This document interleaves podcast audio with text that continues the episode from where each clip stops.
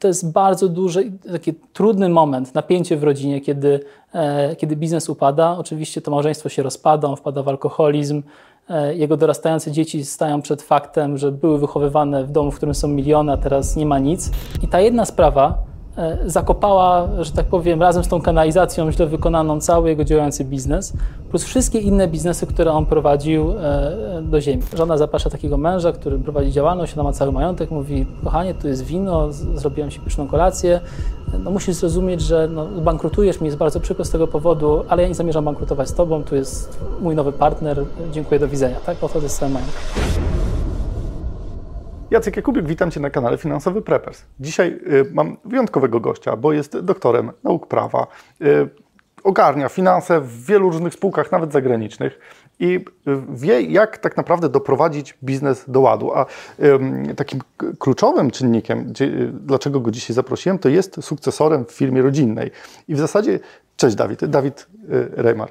Dzień dobry, witam Was. E, Dawid, e, ja w zasadzie chciałbym porozmawiać, bo na przedonteniu rozmawialiśmy o e, bardzo fajnej historii, jak nie robić biznesu, gdzie nawet papież nie pomógł i to, to, jest, to jest autentyk. Od milionera do zera, można to tak nawet zatytułować. I chciałbym przejść do takich rozwiązań, bo też poruszyliśmy ostatnio portfel pokoleniowy, jak przekazać majątek dzieciom. Mieliście dużo pytań, dużo wątpliwości i dzisiaj chciałbym fajnie przejść przez ten temat odnośnie całości. Może zacznijmy od historii. Chętnie się z nią podzielę, e, tym bardziej, że nie wiem jak ty, ja mam trochę przesyt historii sukcesu. To znaczy, wszędzie widzimy ludzi, którzy osiągnęli sukces i mamy wrażenie, że wszyscy osiągają ten sukces. No, prawda jest zgoła inna. Najczęściej ci, którzy osiągają sukces, musieli zaliczyć parę porażek, ale niechętnie się nimi dzielą. Więc ta pierwsza historia zdarzyła się w Polsce w latach 2000, na początku lat 2000. Mamy rodzinę, która prowadzi e, biznes. W zasadzie głównym motorem e, tego biznesu jest ojciec, głowa rodziny. Jest to biznes e, w robotach budowlanych, a dokładnie sieci kanalizacyjne dla gmin, więc są to zamówienia publiczne. Firma się rozrasta, człowiek zarabia coraz więcej, kupuje nowe maszyny, zatrudnia nowych ludzi. Biznes przynosi najpierw kilkaset tysięcy dochodu, później kilka milionów, potem kilkanaście, potem kilkadziesiąt, więc mówimy o coraz większej skali tej działalności. E, I w pewnym momencie no, dochodzi do takiego e, punktu w jego życiu, gdzie mówi, że potrzebuje inwestować w coś innego. Znaczy ma tyle pieniędzy, że, że już nie wie, co z nimi robić i, i wymyśla taki biznes. Będę miał super hotele 4-5 gwiazdkowe e, i rzeczywiście zaczyna projektować ten hotel, jest to rodzina bardzo wierząca, w związku z czym e, w ten czy inny sposób e, ściągają na poświęcenie kamienia węgielnego pod budowę tego hotelu nikogo innego, tylko papieża Jana Pawła II. Jest, są zdjęcia, nagrania, telewizja, wszyscy to, to widzą. Hotel powstaje, piękny, byłem tam, także, e, także jest do dzisiaj. No i nagle mamy takie zdarzenie biznesowe takiego czarnego łabędzia, bo w każdym biznesie taki czarny łabędź może się przydarzyć. Dzisiaj mówiliśmy, że to jest COVID czy wojna w Ukrainie. Wtedy to było co innego. To było e, wykonanie jednego zamówienia dla jednej gminy, gdzie poproszono o zrobienie tej kanalizacji. Ten człowiek e, sprawdził dokumentację projektową i stwierdził, że ta kanalizacja będzie wadliwa. Natomiast zamawiający gmina uznał, że nie będzie wadliwa, będzie dobrze, proszę robić. Problem jest taki, że mówili się na tak zwaną gębę e, i zaczęli to wykonywać. Więc cała kanalizacja została położona, to był kontrakt na kilkanaście milionów złotych. No, później się rozrósł do kilkadziesięciu milionów złotych. No ale ponieważ był błąd projektowy, to przy pierwszym dużym opadzie deszczu wszystkim mieszkańcom tej gminy cała ta kanalizacja wróciła do mieszkań. Więc mamy zalaną całą gminę szambem gdzieś w Polsce w 2007 czy 2008 roku e, i sprawę sądową o to, żeby wykopać tą kanalizację i zrobić ją jeszcze raz i naprawić wszystkie domy w gminie. To jest e, tego rodzaju roszczenie czy tego rodzaju problem, który jest w stanie przewrócić każdy, nawet najlepiej działający biznes. I tutaj mamy do czynienia z taką sytuacją, czyli ten człowiek walczy w sądach, tam się odwołuje, składa apelacje, no, no, mówi, że to w sumie nie jego wina, ale koniec końców wyrok jest jaki jest, musi zapłacić kilkadziesiąt milionów plus odsetki, których on nie ma, tak? Znaczy musi po prostu te pieniądze e, wyłożyć. To prowadzi automatycznie do bankructwa jego firmy. E, I ta jedna sprawa, E, zakopała, że tak powiem, razem z tą kanalizacją źle wykonaną cały jego działający biznes, plus wszystkie inne biznesy, które on prowadził do ziemi. To jest bardzo duży, taki trudny moment, napięcie w rodzinie, kiedy, kiedy biznes upada. Oczywiście to małżeństwo się rozpada, on wpada w alkoholizm.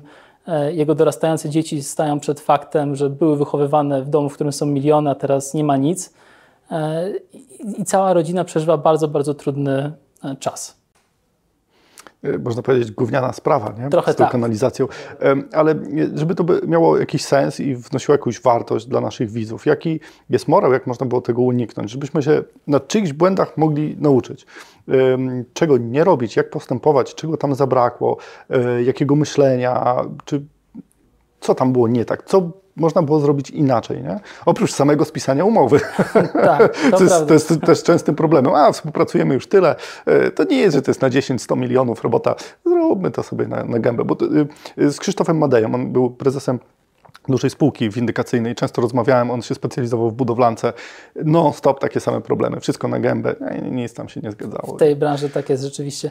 E, co można było zrobić inaczej? Przede wszystkim mamy jakąś w ogóle dysproporcję na skalę światową, bo to jest polski fenomen, e, biznesów prowadzonych w formie wpisu do Centralnej Ewidencji Informacji o Działalności Gospodarczej. Nie wiem, czy wiesz, ile, te, ile takich wpisów w Polsce jest? Ja Ci podam dane. Przedsiębiorców wpisanych do CIDG w Polsce jest 3 miliony. To jest prawie 10% społeczeństwa. Dla przykładu spółek z ograniczoną odpowiedzialnością jest 400 tysięcy. Na I w tym ja mam trzy, więc statystykę Ja mam też zaniżam. kilka, więc jakby to, to, to w ogóle zaburza myślenie. Na zachodzie jest tak, że jest dokładnie odwrotnie. Że tych spółek to, jest, to idzie w setki tysięcy, miliony, a tych działalności e, indywidualnych jest dosyć mało. Więc jakby wszystkie biznesy były pod CIDG. Tak. I w ogóle ten model funkcjonował jako model wyjściowy w latach 90., czyli wtedy, kiedy te biznesy były zakładane. W zasadzie ludzie prowadzili biznes w dwóch formach prawnych. Albo wpis do ewidencji gospodarczej, bo wtedy to była jeszcze ewidencja działalności gospodarczej, albo spółka cywilna. Jakieś tam spółki ZOO, akcyjne, inne, to w ogóle nikt o tym nie słyszał. Było tego dosyć mało, jak na skalę całej gospodarki i to się utrzymuje u nas do dzisiaj. E, to takie myślenie, że to CIDG to jest proste, spółki są trudne, no, tylko ludzie nie zwracają uwagi na jedną rzecz. Ja w sumie ich nie winię, bo w latach 90., kiedy zakładali te biznesy, chodziło o to, żeby cokolwiek założyć, szybko założyć, tanio założyć i żeby działało. E, tyle tylko, że z tą działalnością gospodarczą, która była na początku mała, handlowanie na bazarze, na straganie, one się rozrastają do dosyć dużych rozmiarów. I teraz, e, jak prowadzimy sobie taki biznes na wpisie do ewidencji, to ponosimy całą odpowiedzialność całym naszym majątkiem. Tak? Czyli cokolwiek by się nie stało w tym biznesie, to jeżeli nam nie wyjdzie, to nie tylko my tracimy tą firmę i tam te maszyny, samochody, co tam mamy w zakład produkcyjny, cokolwiek by nie było, ale też oszczędności, dom, prywatny samochód, y, nie wiem, nasze prywatne akcje, które kupiliśmy, no po prostu wszystko. I teraz pytanie jest takie, czy tak musi być? No oczywiście nie. Tak? Mhm. Pod... Ale okej, okay. ja wiem, że łatwo zacząć, jak ktoś się styka pierwszy raz z prowadzeniem firmy, to CIDG jest prosta, bo można szybko ją zamknąć. Ze spółką jest o wiele więcej problemów, żeby ją zamknąć. I w którym momencie powinno się myśleć o założeniu spółki ZO? Gdzie jest taki punkt, że zapala nam się la jakaś lampka i ta lampka nam sygnalizuje, ok, już jesteś za duży, wyjdź z tej działalności, zacznij myśleć Wiem, że y, nowy Polski Ład, nie wiem jak to się teraz technicznie nazywa, bo to miało dużo nazw. Polski Ład 3.0 teraz du, dużo, dużo, dużo jakby uświadomi Polakom, że jest jednak taka spółka ZO i może ona być lepsza, ale y, co jeszcze może być taką lampką, która nam sugeruje, że wtedy powinniśmy się ratować y, albo dzielić te biznesy, albo cokolwiek robić, tak? tak?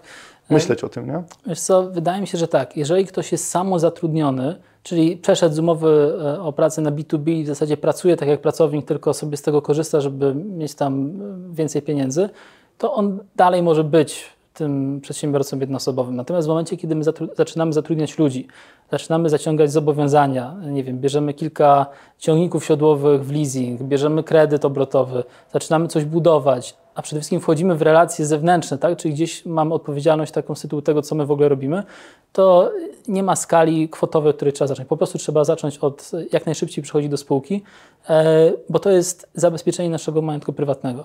Czyli spółki w ogóle zostały po to wymyślone i taka jest ich idea, żeby nie odpowiadać majątkiem osobistym. No, to po to tak się robi, żeby można było podjąć większe ryzyko, godząc się z tym, że ok, nie wszystkie spółki przetrwają, część z nich upadnie, no ale po to są przepisy upadłościowe, restrukturyzacyjne, żeby ratować tam takie spółki, które mają problemy. Zresztą mamy w tym roku 30% wzrost zgłoszonych upadłości e, z raportem, e, Coface zrobił taki raport dotyczący upadłości, mamy wzrost, a pewnie przyszły rok będzie jeszcze gorszy pod tym kątem. Więc to, że biznesy upadają, to nie jest nic dziwnego, to jest naturalne, tylko po co w Polsce mają upadać tak, żeby wszyscy upadali razem z nimi, to, to jest trochę dziwne. E, więc pierwsza rzecz to odpowiednia forma prawna, ale to nie jest wszystko, bo y, zwróć uwagę, że jest bardzo dużo spółek. No, jak już nawet ktoś ma tą spółkę, tak, już sobie działa tam w formie spółki ZO, y, dajmy na to, bo takich jest najwięcej, to on ma, w pewnym momencie łapie się na, takim myśleniu, że o ten biznes mu rośnie, on generuje coraz większe dochody. Niespecjalnie chce wypłacać dywidendy z tych spółek, bo dywidenda to jest dodatkowy 19% podatek, więc zaczyna kupować do tej spółki coraz to nowe rzeczy. A to kupił nowe biuro, a to nową linię technologiczną, a to e, kupuje ziemię pod nowy magazyn, a to nową flotę sobie wymienia, a to kupuje coś na spółkę, nawet jak korzysta z tego półprywatnie, jakieś tam mieszkania, apartamenty, inne rzeczy. I to zaczyna nam pęcznić ten majątek w, tej spółce. I to jest drugi problem, który, e, który my obserwujemy, że tak naprawdę ludzie nie robią jednej z podstawowej rzeczy, nie oddzielają ryzyka od aktywów. Bo tak jak przy inwestycjach, każdy Twój gość, który tutaj by się zajmował inwestycjami, pewnie powie, że nie wolno inwestować wszystkich pieniędzy w jedno, jedno aktywo. Tak? Nie możemy wszystkiego wrzucić w bitcoiny, bo jak się tam FTX upadnie, to będzie problem. Tak? Nie wolno wszystkiego wrzucić w złoto, bo, bo nie. Tak? Jakby po to tworzą te portfele. To tu jest tak samo. Ja powiem analogicznie. Nie wolno trzymać całego majątku w jednej spółce, a już na pewno nie w takiej, która generuje e, jakieś tam ryzyko. E, I w związku z tym, tym narzędziem, które e, ta rodzina konkretna mogła stosować, no, cofnijmy się w czasie, tak? czyli mamy tego papieża i, i, ten człowiek mówi tak, e, no skoro ja tworzę, jakby mam ten biznes to już na takim poziomie, to ja powinienem w ogóle mieć go w formie spółki. To byłaby pierwsza decyzja, którą powinienem wtedy podjąć. Ale nie jednej. Nie jednej, właśnie. Skoro mam biznes, który już wiemy, że u tego człowieka polegał na budowie kanalizacji, no to jest jedna spółka, chciał mieć hotele, to powinna być druga spółka. E, czyli już mamy dwie. Natomiast pytanie jest takie, które trzeba sobie zadać.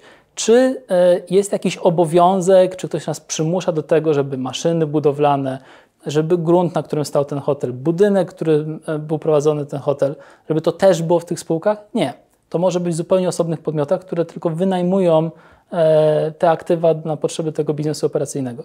I zwróć uwagę, że na przykład taki model mają wszystkie apart hotele i kondo hotele. Przecież ci, którzy to sprzedają, deweloperzy, nie są właścicielami tych pokoi, które są w apart hotelach. Oni tylko wynajmują. Są operatorem, który później korzysta z, e, z, z, tych poszczególnych apartamentów i jak im w biznesie nie wyjdzie, to ja nie tracę tego pokoju, który kupiłem w takim kondo hotelu, tak? tylko on dalej jest mój. I tutaj byłoby podobnie. Czyli e, ta rodzina powinna zrobić następujące kroki. Po pierwsze, no nie prowadzić tego w formie działalności gospodarczej, tylko w formie spółki, to już wiem. Po drugie, powinni oddzielić aktywa od ryzyk, czyli wszystkie te maszyny budowlane, grunt pod ten hotel, e, cokolwiek innego by mieli wartościowe, umieścić w osobnej spółce. E, I co byśmy wówczas mieli, co by się stało, gdyby, gdyby to szambo wylało, tak? ale już byśmy byli w takiej sytuacji. No, wtedy byłoby tak, że owszem, ta jego podstawowa spółka by upadła, bo nie byłaby w stanie spełnić tego zobowiązania, ale człowiek by został ze wszystkimi maszynami budowlanymi, człowiek by został z nieruchomościami, które kupił i z tym hotelem, który wybudował. No umówmy się, że jest dużo łatwiej zacząć jeszcze raz prowadzić działalność, nawet tą samą, którą prowadził w formie nowej spółki, mając cały park maszynowy dostępny. Tak? No, zawarłby umowę o pracę jeszcze raz z tymi samymi ludźmi, miał kontakty, miał wiedzę, miał know-how, byłby w stanie wystartować. Dwa, miałby hotel, który działał, był e, cztero czy pięciogwiazdkowy, mógłby mu przynosić dochody. Tak? Jakby ta rodzina miałaby jakąś bazę, od której mogłaby zacząć. No a tak stracili wszystko. Okej, okay. jak mamy spółkę, to prezes odpowiada majątkiem w pewnych jakby okolicznościach. Jest taka szansa, że mogliby go podciągnąć do odpowiedzialności. Żeby chronić rodzinę, może zejdźmy tak o krok niżej, bo myślę, że więcej osób ma taki problem, że prowadzi na przykład działalność, ok, może ona jakieś generować ryzyko, bo w Polsce prowadzenie działalności to jest taki trochę sport ekstremalny. Czy na przykład rozdzielność majątkowa z żoną y, pomoże? Jak zrobić, żeby dzieci nie dostały długami w, w twarz? Czy to idzie z automatu, czy trzeba coś na, na wywijać, żeby te dzieci dostały te długi? Rozdzielność majątkowa jest bardzo często stosowanym instrumentem, ale bardzo mało osób wie o tym, że istnieje, no bo rozdzielność majątkowa, jak jest dobrze między małżonkami, to jest e, dobrym rozwiązaniem, czyli taki klasyczny model, małżonkowie umawiają się na rozdzielność, on prowadzi biznes, a ona ma majątek, tak? czyli ten mieszkanie, dom, cokolwiek innego, albo gdybyśmy chcieli zrobić czyli odwrotnie. Czyli jak w polityce, nie? Tak, tak, tak, ale jakbyśmy chcieli zrobić odwrotnie, to już żebyśmy nie byli seksistami, to kobieta prowadzi działalność, a on ma na siebie majątek. Może być też taki układ, nie ma to znaczenia. No i fajnie jest do momentu, kiedy oni się kochają i wszystko jest dobrze. W momencie, kiedy y, zaczynają, y, bo to jest tak, że Żona zaprasza takiego męża, który prowadzi działalność, ona ma cały majątek, mówi, kochanie, tu jest wino, zrobiłem ci pyszną kolację, no musisz zrozumieć, że no, bankrutujesz, mi jest bardzo przykro z tego powodu, ale ja nie zamierzam bankrutować z tobą, tu jest mój nowy partner, dziękuję, do widzenia, tak? Odchodzę z całym majątkiem. I teraz mało osób wie, że jest taka rozdzielność, która się nazywa rozdzielnością majątkową z wyrównaniem dorobków. To jest taka rozdzielność, która działa w trakcie małżeństwa, a gdyby ono się miało skończyć, bo któryś z małżonków chciałby odejść, to się muszą podzielić tymi pieniędzmi po połowie, czy dorobkiem. Nie? Więc jakby po pierwsze można sobie zrobić lepszą rozdzielność niż taką zwykłą, to jest wyrównanie dorobków. Po drugie, tak, ona chroni przedsiębiorców jednoosobowych, no bo można ten majątek alokować do, jednej, e, do jednego małżonka. E, czy chroni dzieci? No nie do końca. E, to jest historia mojego znajomego, który, którego rodzice, czyli jego ojciec prowadził spółkę, spółkę cywilną razem ze swoim kolegą. E, pech chciał... Podobno, jeszcze wracając do małżeństwa, spółka cywilna podobno jest gorsza niż małżeństwo. Gorsza. Czy, czy to jest prawda? Tak, to jest prawda. Spółka, nie ma nic gorszego niż spółka cywilna. Spółka cywilna jest największym A to jest, złem... Przypominam, najbardziej popularna forma prowadzenia działalności po działalności tak, druga. gospodarczej. Tak, tak, druga najbardziej popularna. Dlaczego spółka cywilna jest fatalna? No dlatego, że ja odpowiadam za długi mojego kolegi, to pierwsza rzecz. Dwa, ja naszą spółką odpowiadamy za jego długi prywatne, czyli jak on tam nawywija alimenty, to nam zabiorą pieniądze z naszej spółki cywilnej, więc to jest w ogóle super, super rozwiązanie. Super rozwiązanie tak. E, no i mamy mojego kolegę, który e, jest on, jego siostra, mama, tata. Tata prowadzi biznes w formie spółki cywilnej, no i pech chciał, że e, jakby naciągnął kredytów i mu się zmarło. I nawet nie problem był dla tego kolegi podstawowy, że on zmarł, chociaż to był duży problem emocjonalny. Problem był taki, że ten ojciec miał wszystko na siebie, tak? Mieszkanie, e, na którym mieszkali on, mieszkanie, w którym mieszkała jego mama i mieszkanie, w którym mieszkała jego siostra, były na tego ojca. E, I mieli taki problem. Czy przyjąć spadek, czyli przejąć te mieszkania, ale przejąć też 8 milionów złotych długu, czy nie przyjąć tego spadku, ale też stracić miejsca zamieszkania. Musieli wybrać drugie. Czyli e, jakby jego śmierć, a śmierć jest jedną z dwóch rzeczy, które są pewne, czyli śmierć i podatki, tak, Polski Ład zawsze będzie z nami w jakiejś wersji i śmierć też, no powoduje, że wszystko, co mamy jakby przypisane majątkowo do nas jako do osób fizycznych, może być dla kogoś później w przyszłości problemem, jeżeli wygenerujemy długi, bo może stanąć przed takim pytaniem, czy ja mam zachować mieszkanie, w którym mieszkać, ale spłacać dług mojego ojca, czy mam się wyprowadzić z mieszkania, zaczynać od zera i nie mieć tego długu. To są mhm. trudne decyzje. Bo, bo, bo wyjaśniając, jeżeli ktoś umiera, to można po nim przyjąć spadek albo nie przyjąć. Jeżeli się przyjmuje, to przyjmuje się i długi, i majątek, a jeżeli się nie przyjmuje, to Jest też taka opcja odcinamy. z tak zwanym tak. dobrodziejstwem inwentarza, która polega na tym, że przyjmuje się do wysokości tych aktywów spadkowych, no ale jeżeli umówmy się, do, nie wiem, mieszkanie było warte 3 miliony, długi 8, to przyjąłbym 0, tak, bo bym musiał te mieszkania sprzedać, żeby spłacić te długi, więc i tak wychodzę na 0. E, I teraz ważna rzecz. E, ludzie w Polsce są przywiązani do takiej koncepcji, że ten, ten majątek, który budują, to musi być ich fizycznie, tak? Czyli jak są e, freelancerami, przedsiębiorcami, wiem, pracownikami, cokolwiek, to jak generują nadwyżki finansowe i inwestują, to chcą, żeby to było ich, tak? Czyli ich bitcoiny, ich złoto, ich nieruchomości i tak dalej. E, na Zachodzie tak nie jest i w Polsce powoli też się to zmienia. Jest coś takiego jak strukturyzacja właścicielska, czyli powiedzenie sobie, że czy ja potrzebuję rzeczywiście mieć ten majątek ja jako ja, czy ja potrzebuję go mieć, nazywam to w chmurze, czyli w jakiejś strukturze, w jakiejś formie, do której mam dostęp, mam na tym pełną kontrolę, ale co jest dużo bardziej elastyczne na wypadek problemów. I ja wybieram to drugie. Czyli inwestując w cokolwiek, wolę mieć to zainwestowane przez spółkę, którą kontroluję, dlatego że gdybym wpadł w jakieś tarapaty finansowe, to mi spółkę jest dużo łatwiej przekazać komukolwiek innemu, niż e, majątek prywatny, bo nie muszę tego robić żadnymi darowiznami, które są podważalne, nie muszę tego robić, e, jak są problemy, tak? no mogę sobie wprowadzać tam osoby postronne i nie muszę tego robić w kręgu rodziny, to też jest ważne, tak? czyli mogę sobie wybrać obojętnie jaką osobę, którą wpuszczam do takiej spółki, ona się staje e, współkontrolującą albo kontrolującą taki biznes. Więc cała idea jest, polega na tym, żeby nie przywiązywać się tak bardzo mocno do tego, żeby inwestować nadwyżki jako osoba fizyczna, tylko żeby zacząć stosować spółki do tego, żeby traktować jako wehikuł inwestycyjne. I teraz e, problem, który jest, to jest trochę nierozwinięty jeszcze rynek finansowy, bo nie jest wcale wiele e, domów maklerskich, które oferują rachunki maklerskie dla spółek. E, jest tam, nie wiem, XTB ma chyba, czy tam Alior Bank, ktoś tam ma, ale to nie jest tak jak z prywatnymi rachunkami maklerskimi.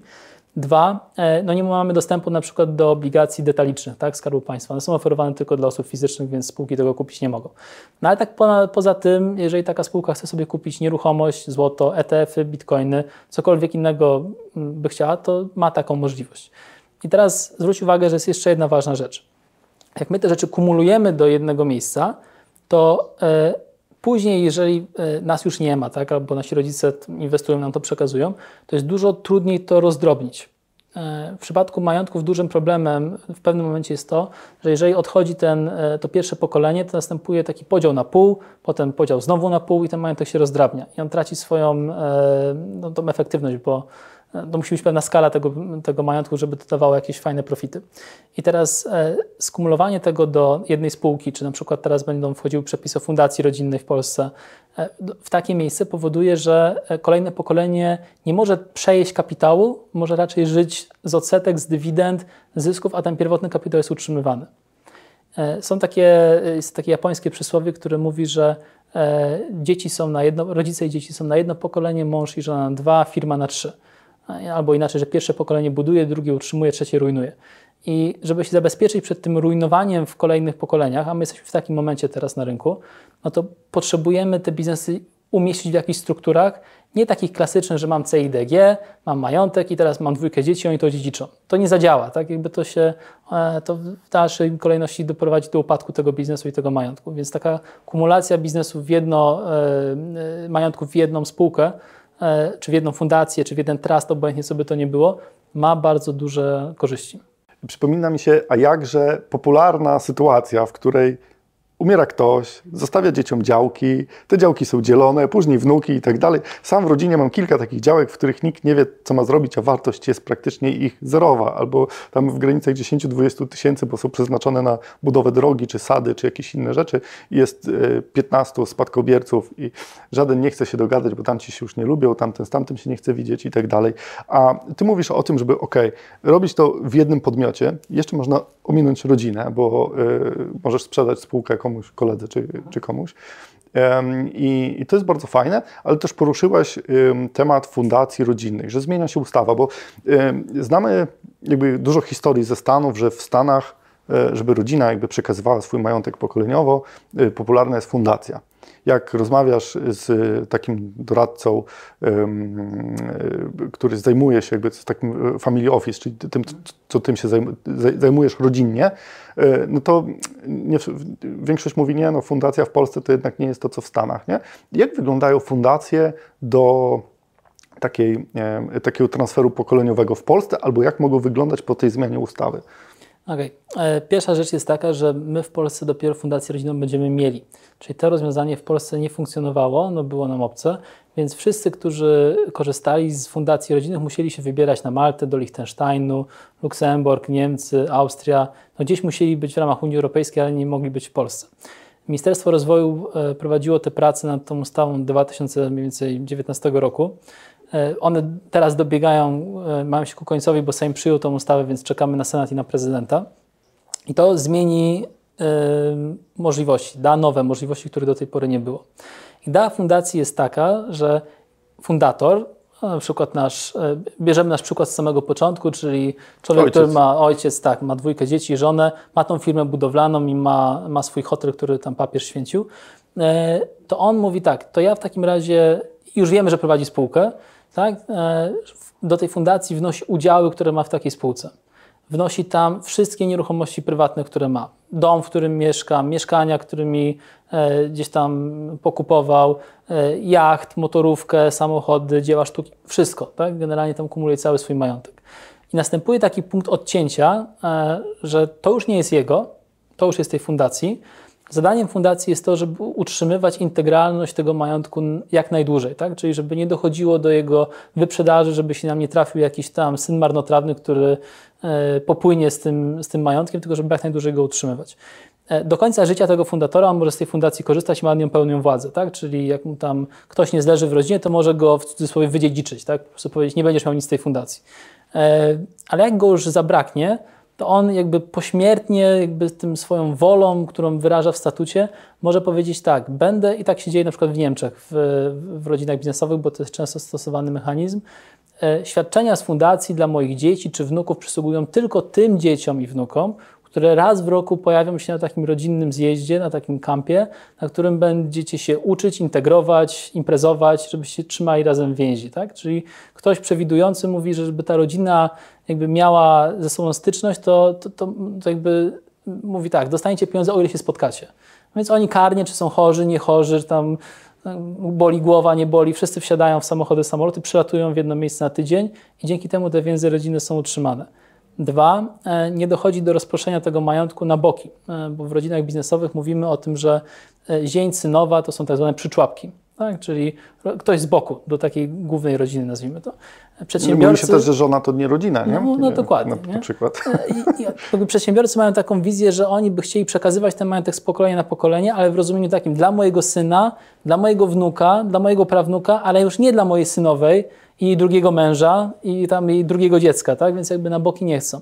I nasze prawo spadkowe jest trochę ułomne w tym zakresie, a fundacje rodzinne pozwalają tym wysterować tak, żeby to rzeczywiście szło tym, tą linią pokoleniową i się nie rozpraszało na boki. Więc rozwiązanie jest ciekawe.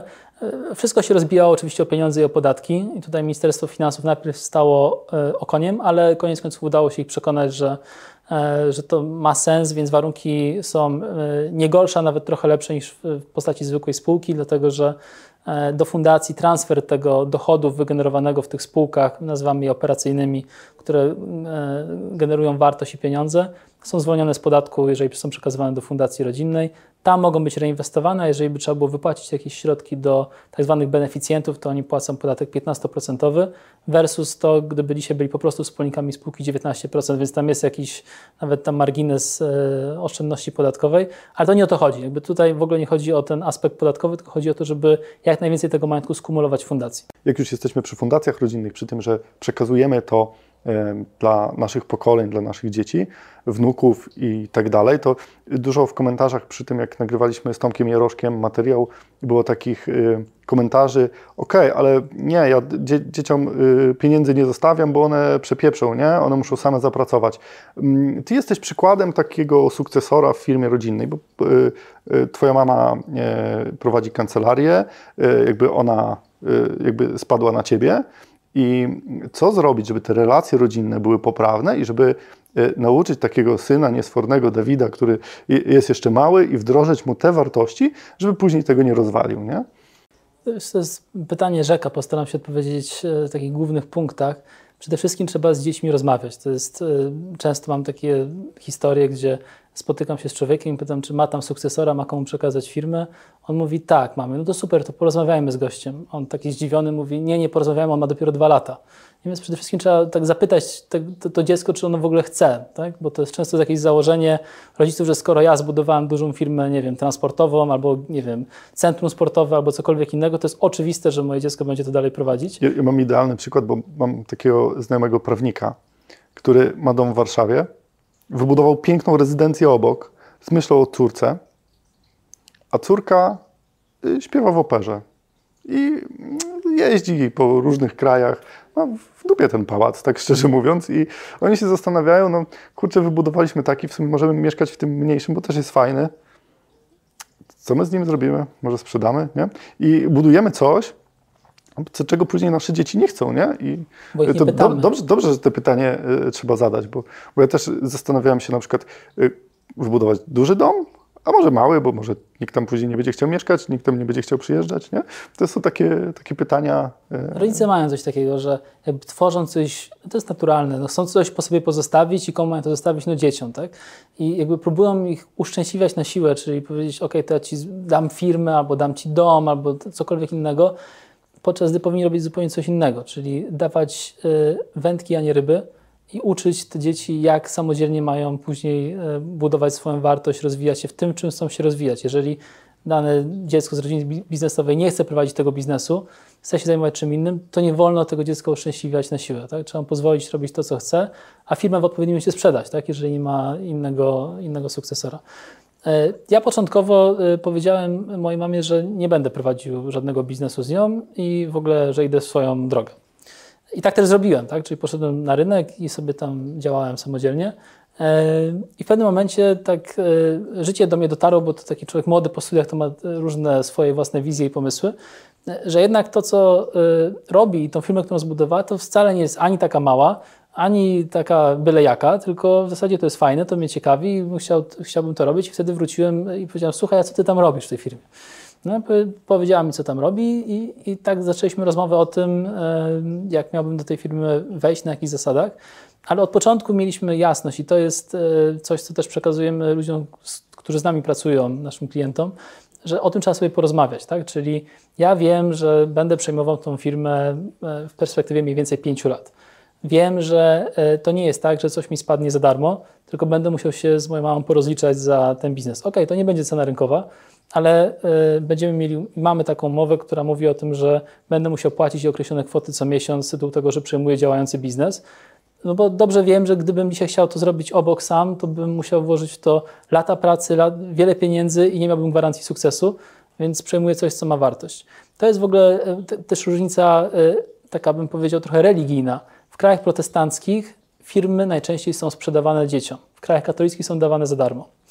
E, chyba wszyscy wiemy, co się kończy z rzeczami, które dostajemy za darmo. No za darmo to znaczy tak łatwo przyszło, łatwo poszło. Więc pierwsza w sumie e, rzecz, którą można zrobić, to swoim dzieciom spróbować zaproponować odkupienie tej firmy, bo to jest trochę taki test, czy ktoś ma smykałkę do robienia biznesu, czy jej nie ma i czy ma rzeczywiście chęć prowadzić taki biznes. A błędów może być tutaj bardzo dużo, czyli przede wszystkim brak rozmowy na ten temat, E, dwa, jak już jest e, powiedziane, że ta firma ma być jednak przekazana, to ten rodzic musi się usunąć. To nie może być tak, jak u niektórych moich znajomych, którzy mają firmy rodzinne, gdzie e, ten sukcesor młody to już ma 46 lat, tak? ale cały czas jest młody, on nic nie umie i ojciec przychodzi tam poprawia na komputerze projekt, tak? jak, jak on nie widzi. Tak? No jakby to tak, tak nie może działać. No, gdzieś ten rodzic się musi usunąć w cień i musi dać przestrzeń temu pokoleniu następnemu do tego, do tego żeby wprowadzało swoje pomysły, swoje idee, ale zasady muszą być wcześniej ustalone. Ja myślę, Dawid, że jeszcze nie raz spotkamy się i opowiesz nam parę fajnych historii, bo to mnie bardzo ciekawi, szczególnie teraz, kiedy zaczęliśmy tu myśleć o takim portfelu pokoleniowym. Jesteś świetnym przykładem, na którym można, i masz w kieszeni sporo takich przykładów, które można powyciągać i, i bazować na cudzych błędach, ewentualnie na fajnych rozwiązaniach. Na koniec odcinka mamy taką tradycję, że jest y, od każdego z gości złota myśl dla naszych finansowych prepersów. Kamera jest Twoja, zapraszam. E, moją złotą myślą będzie taka przestroga. Jeżeli ktoś myśli, że prowadzenie biznesu w formie działalności gospodarczej albo spółki cywilnej to jest dobre rozwiązanie, to niech jeszcze raz obejrzy ten odcinek. Ja odwołując się do Waszych komentarzy, że nic nie zostawiacie dzieciom, że one muszą na to wszystko zapracować, bo coś, co jest dane za darmo, nie przedstawia żadnej wartości easy come, easy go, tak? Napiszcie, jakie Wy macie rozwiązania, jakie Wy macie pomysły na rozwiązanie właśnie tego problemu. Jak przekazać dzieciom albo co zrobić, żeby one miały dobrze, ale też nie czuły, że można to, można to dobrze rozwalić. Dziękuję Wam bardzo za dziś. Cześć.